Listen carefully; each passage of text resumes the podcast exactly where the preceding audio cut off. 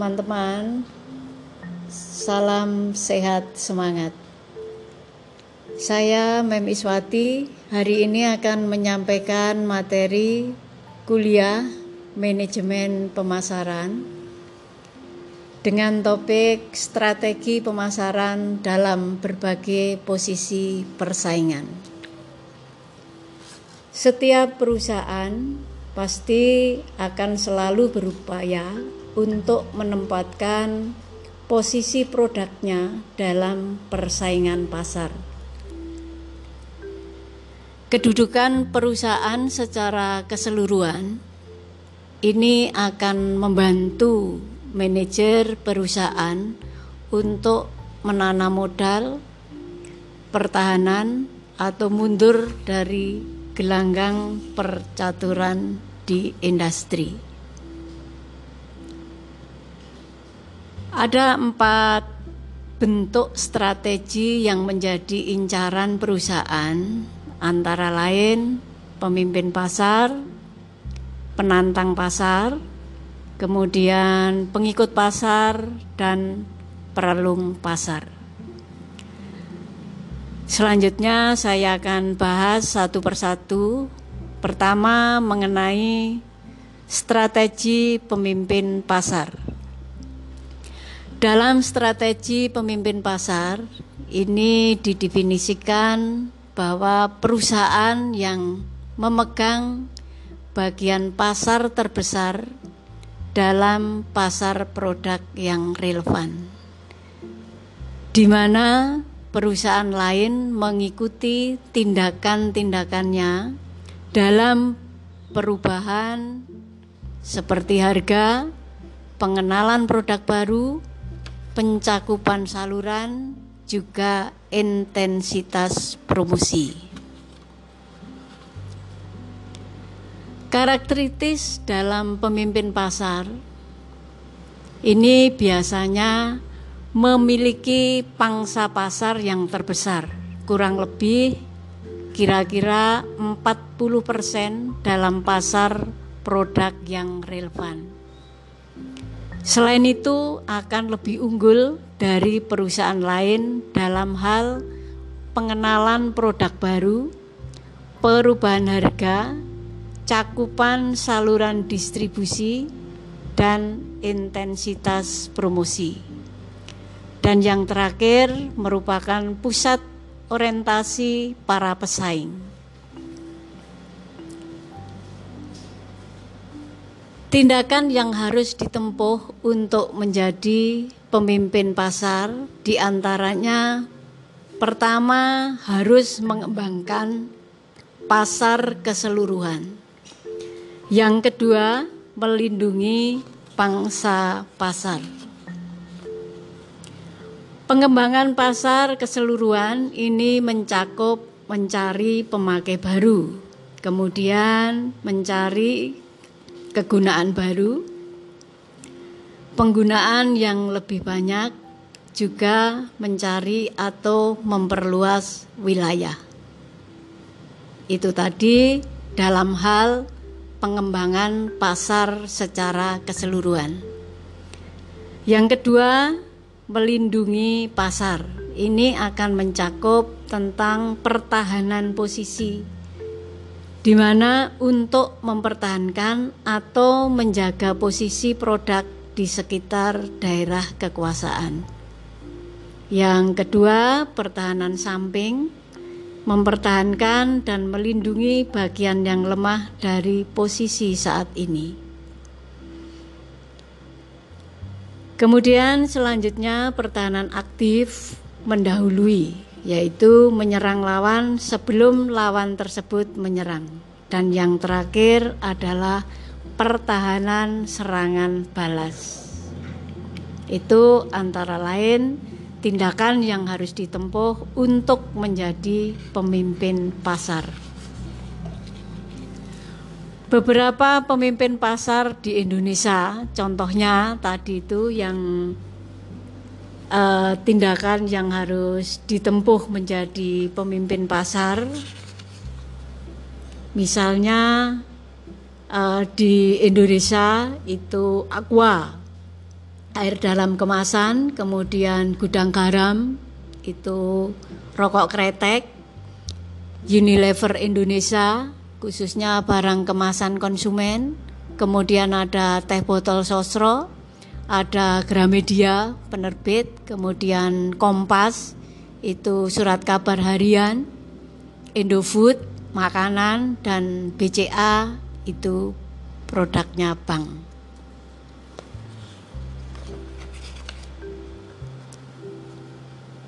Kemudian strategi yang kedua yaitu strategi penantang pasar. Strategi penantang pasar adalah perusahaan yang berupaya secara gencar untuk merebut pangsa pasar, terutama pangsa pasar dari perusahaan pemimpin pasar.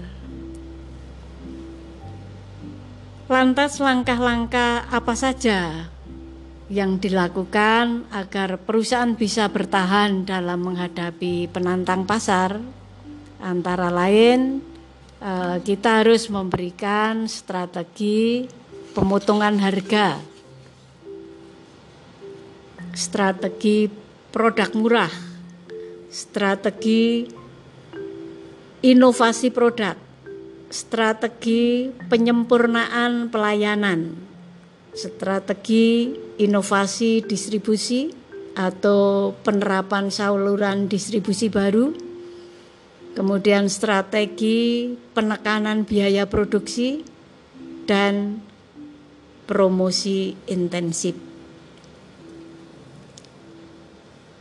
Keberhasilan untuk strategi pemotongan harga ini ditentukan oleh tiga syarat Pertama, penantang harus mampu meyakinkan pembeli bahwa produknya memang setara dengan pemimpin pasar.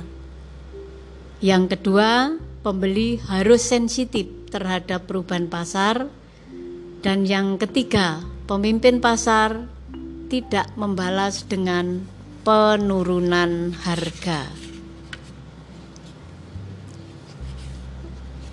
Contoh daripada strategi penentang pasar, kalau teman-teman masih ingat, itu keberhasilan Nintendo dengan video gamenya, kemudian disusul oleh Sony yang menciptakan PlayStation menggantikan dominasi Nintendo. Ada lagi Bayer yang menciptakan autan sebagai lotion anti nyamuk yang lantas kemudian Sovel bergerilya melawan autan yang mana sekarang Sovel menjadi pimpinan pasar nyamuk. Oke kawan-kawan, kita break sejenak sebelum saya lanjut ke segmen berikutnya.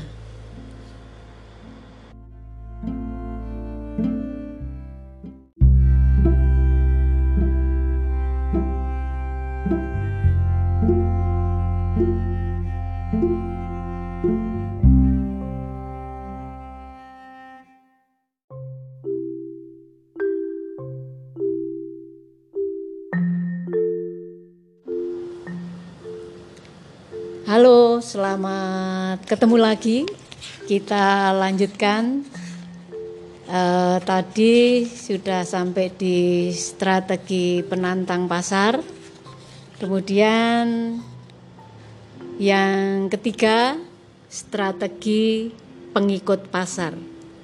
Strategi pengikut pasar adalah strategi perusahaan tidak melakukan serangan, tetapi berusaha mempertahankan pelanggan dengan menonjolkan sikap khasnya. Contoh pengikut pasar yang mengejar pemimpin pasar bahkan bisa melampaui daripada pemimpin. Kalau teman-teman masih ingat, Canon sekarang melampaui Xerox, kemudian Toyota bisa melampaui General Motor. Ada tiga strategi pengikut pasar. Yang pertama, cloner, imitator, dan adapter. Cloner itu merupakan strategi pengikut pasar yang menjiplak atau memalsukan produk populer milik pemimpin besar atau milik pemimpin pasar. Sehingga pengikut pasar sering dianggap sebagai parasit karena dia menjiplak atau memalsukan. Contohnya Apple komputer dan jam Rolex ini punya masalah dengan pemalsuan. Kemudian imitator yaitu meniru pemimpin pasar dengan membuat beberapa diferensiasi atau pembeda.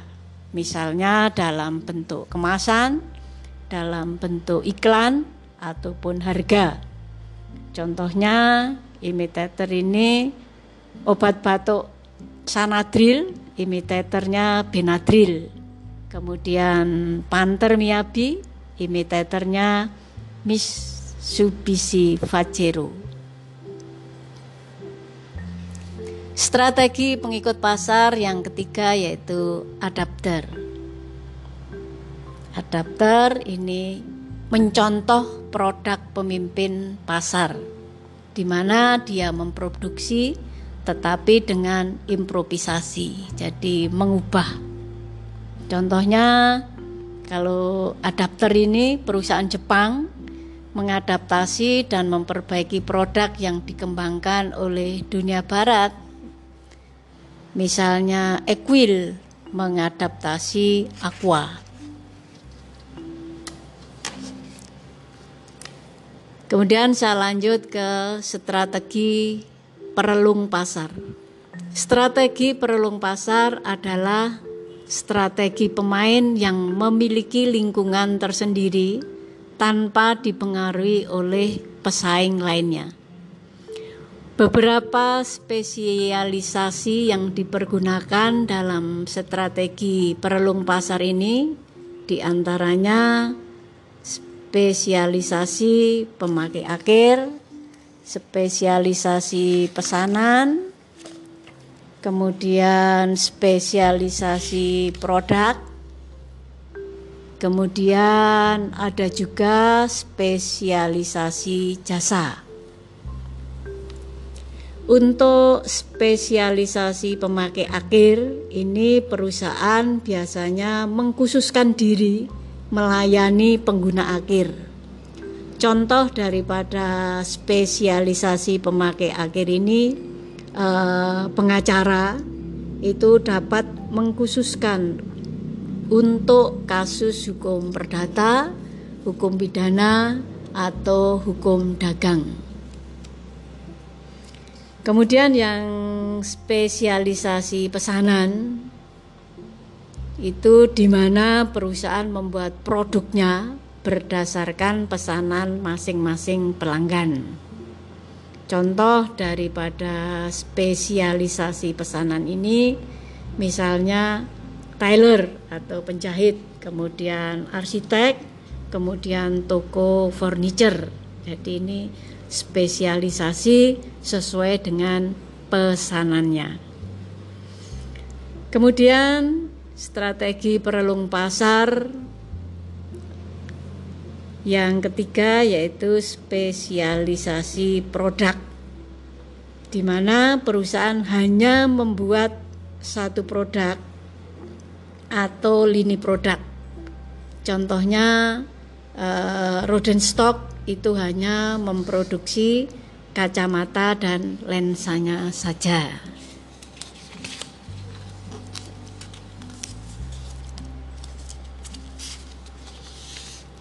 Kemudian yang spesialisasi jasa itu perusahaan menawarkan jasa yang tidak ditawarkan perusahaan lain. Contoh untuk spesialisasi jasa ini perusahaan cleaning service yang terakhir yaitu spesialisasi saluran distribusi di mana perusahaan mengkhususkan diri pada saluran distribusinya. Contohnya eh, Avon itu hanya dijual dari rumah ke rumah dan tidak dijual ke toko-toko.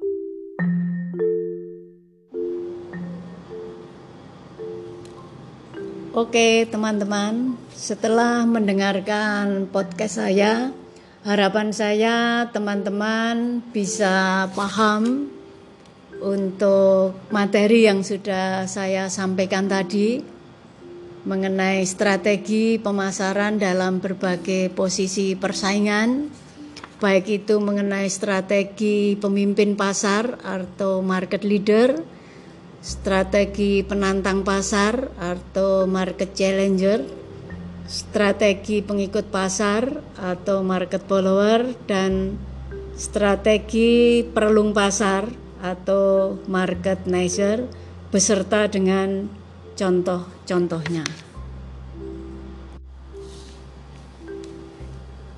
Dan untuk materi episode kali ini teman-teman nanti bisa mendownload di program Adlink masing-masing.